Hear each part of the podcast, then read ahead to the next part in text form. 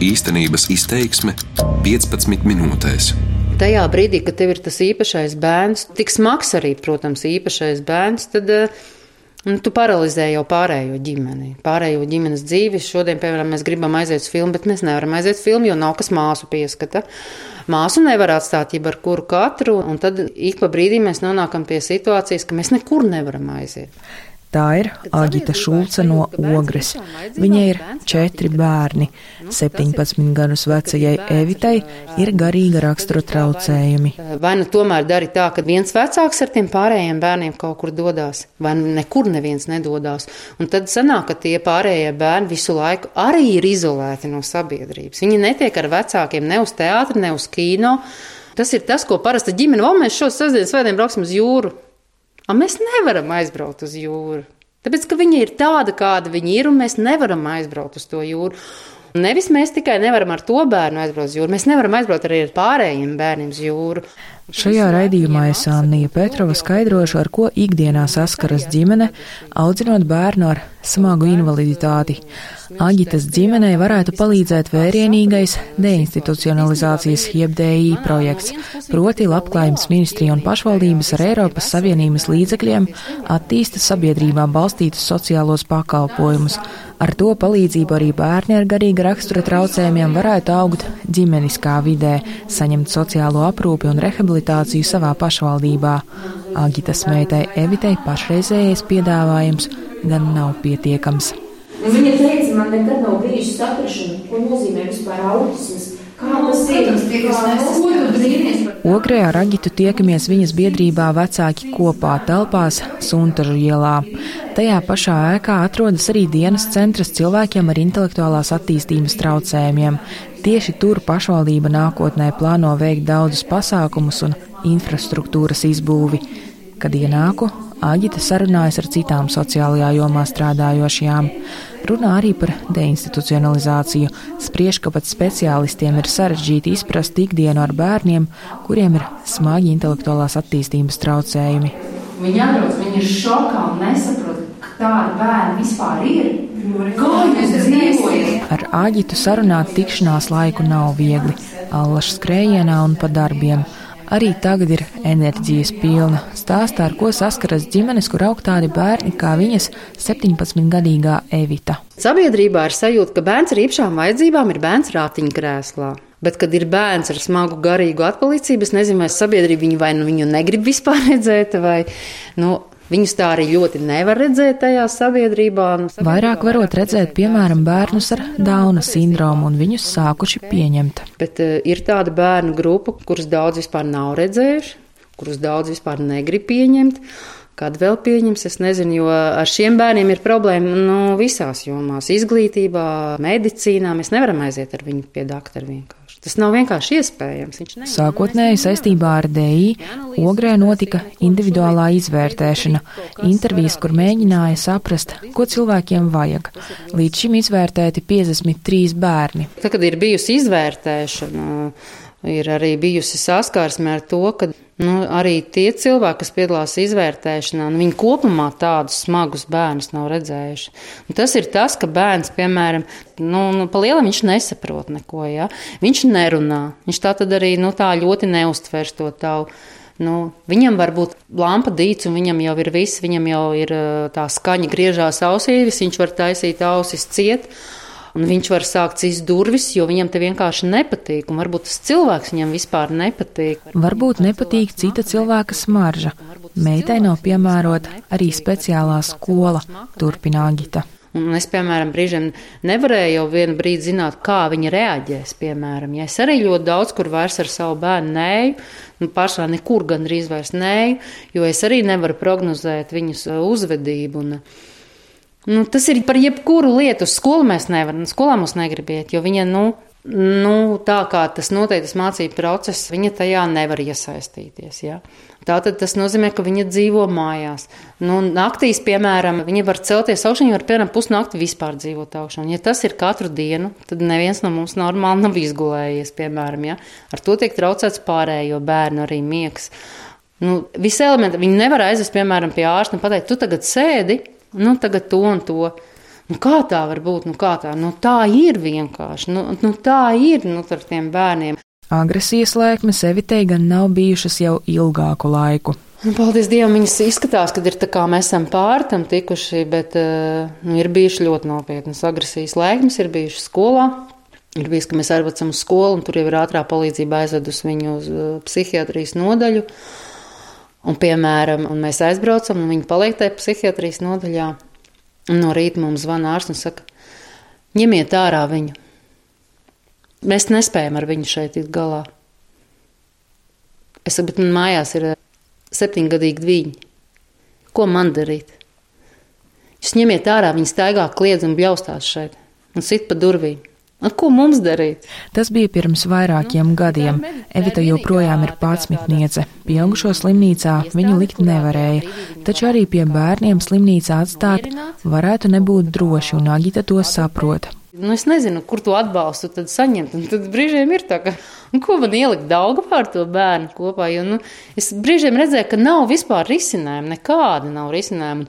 Un es, man bez mazā jāpamat tie pārējie bērni, lai kaut kā vismaz ar to situāciju tiktu galā. Un, un ir bijis ļoti traki. Agitas ģimenei bijusi pozitīva pieredze Ainažu psihoneiroloģiskajā slimnīcā, kur arī šobrīd atrodas viņas meita. Mēs ar visu laiku pie Evits tur arī braucam ciemos. Slimnīcā ir apmēram pusotru mēnesi. Ir svarīgi pēdējie asins analīžu rezultāti, un, ja tie visi būs kārtībā, tad viņi arī dosies mājās. Jo... Pretējā gadījumā domāšot par zāļu terapijas maiņu. Viņu mājās nevar paši mainīt, tur ir jābūt ārstu uzraudzībā. Un, un savā ziņā varbūt ar Evitu arī ir tā, ka Viņi ir ļoti specifiski, gan tie uzvedības traucējumi, gan viss tas pārējais, kad arī tāds parasts pakalpojums, nu, viņš arī ir tāds nu, ļoti viņam tādam specifiskam jābūt, kur tomēr var saprast. Nu, bez maz vai tādām pakalpojumā ir jābūt mediķim, kas spēj saprast, kas ar to situāciju. Bet, bet šobrīd ar Evīti viņi ir kļuvusi mierīgi, un, un daudz vecāki man teica, ja tev tas mierina, tad pusauģu gados ir tas trakākais, un pēc tam paliek mierīgāk. Mēs izjūtam, ka tiešām tā arī ir. Agita saka, tagad gatava arī pašvaldība pašvaldības atbalsta iespējām, bet problēma ir, ka vismaz pagaidām to ir diezgan maz. Evita ir asistents. Kamēr viņa bija mājās, un kamēr viņa to atkal atgriezīsies mājās, viņai katru dienu ir asistents. Es saprotu, ka tas arī ir dēļi ietvaros, un, un patiesībā, nu, ja tā pa lielam, ja šobrīd nav tā cita pakalpojuma tam bērnam, un es viņu nekur citur nevaru aizvest, tad tas asistents ir ļoti labs risinājums. Un, uh, viņa ar šo asistenti dzīvo, tad arī mājās. Un, Viņi nāk šeit lejā uz to skolas filiāli, bet nāk vairāk tāpēc, lai izkustētos un, un, un vienkārši pamainītu vidi un, un dodās atpakaļ. Jo, nu, viņa, grūti viņai ir šeit uzmanību uz kaut ko koncentrēt. Un, ja atkal būtu, protams, izstrādāt sistēmu un būtu arī attiecīgi vairāk tie cilvēki, kas ar viņu strādāt, noteikti, kad atkal varētu kaut ko citu runāt. Šobrīd samierinoties ar esošajām iespējām. Šis asistents ir diezgan ok. Lai gan no otras puses tā ir atkal dzīvošana mājā. Ogrē DI projektā divi bērni izmanto aprūpes pakalpojumu, turpina pašvaldības sociālā dienesta vadītāja Sarmīte Ozoliņa. Jebkurai mērķa grupai pakalpojumi vienmēr būs par mazu, un viņi ir jāattīst un jāpilnveido. Un, protams, kad ja mēs runājam par ļoti, ļoti smagiem bērniņiem, tad tā problēma ir diezgan liela un tā ir sāpīga un aktuāla.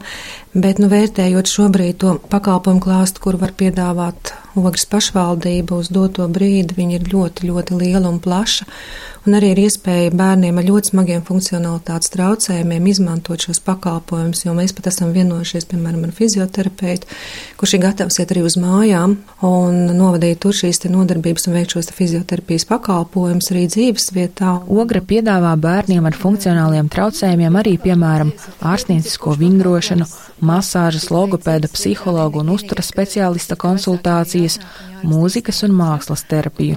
Pakalpojumus varot nodrošināt dzīves vietā, taču vecākiem jādodas uz pašvaldību uzrakstīt iesniegumu.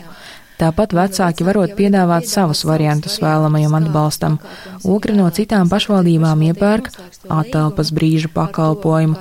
Tas nozīmē, ka vecāki uz kādu brīdi var atstāt savus bērnus ar īpašām vajadzībām, profesionāļu gādībā un atpūsties.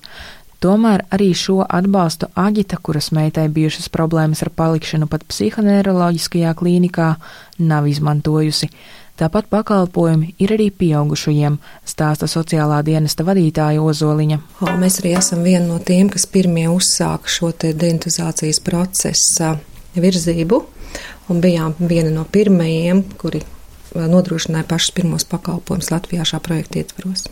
Bērnu vecāki visbiežāk uzsver tieši pakalpojumu trūkumu pašvaldībās.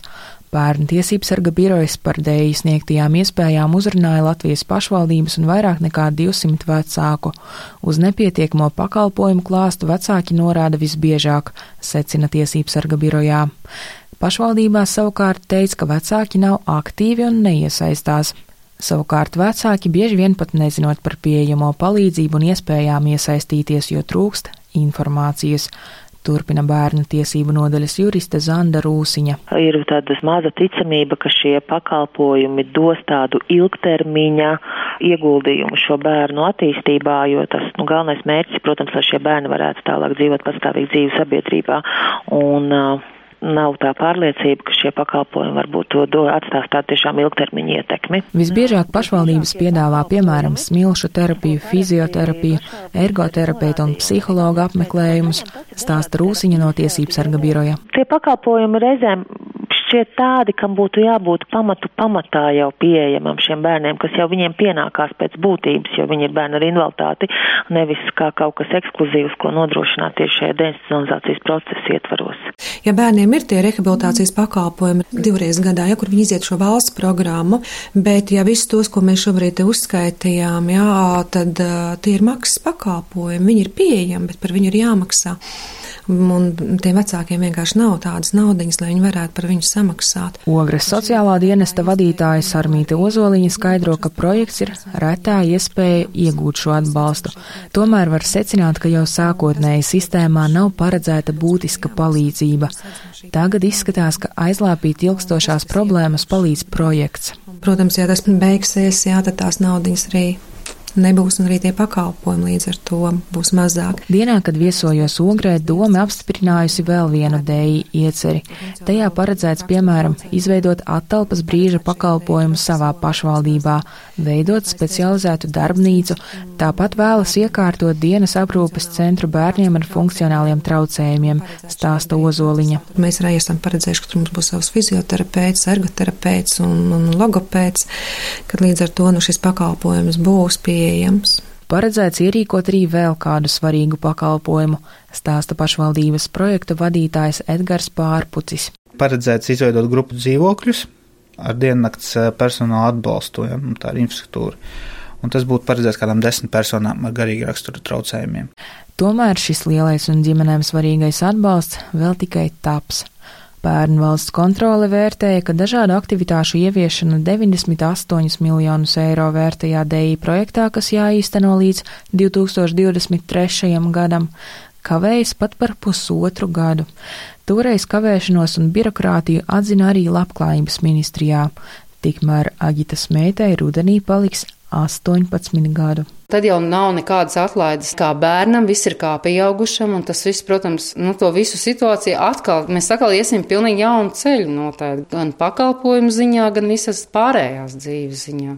Aģita Šulce ir sazinājusies ar vecākiem arī citviet Latvijā, kuriem bērni ir līdzīgā situācijā, un viņiem ir kopīga ideja. Mēs tomēr gribētu uzveidot savu sapņu dzīvokli, grupu mājas dzīvokli, kas ir tieši smagiem bērniem nu, smagiem jau pieaugušiem, reāli smagiem pieaugušiem, tiem, kuriem ir pāri 18. Tas gan noteikti maksātu dārgi. Ir pilnīgi skaidrs, ka parasts grupu dzīvoklis ir parasts, nu, kur cilvēks spēj ar sevi tik galā, viņi var dzīvot to savu neatkarīgo dzīvi, tad šie cilvēki arī var dzīvot tikai ar atbalstu to savu neatkarīgo dzīvi.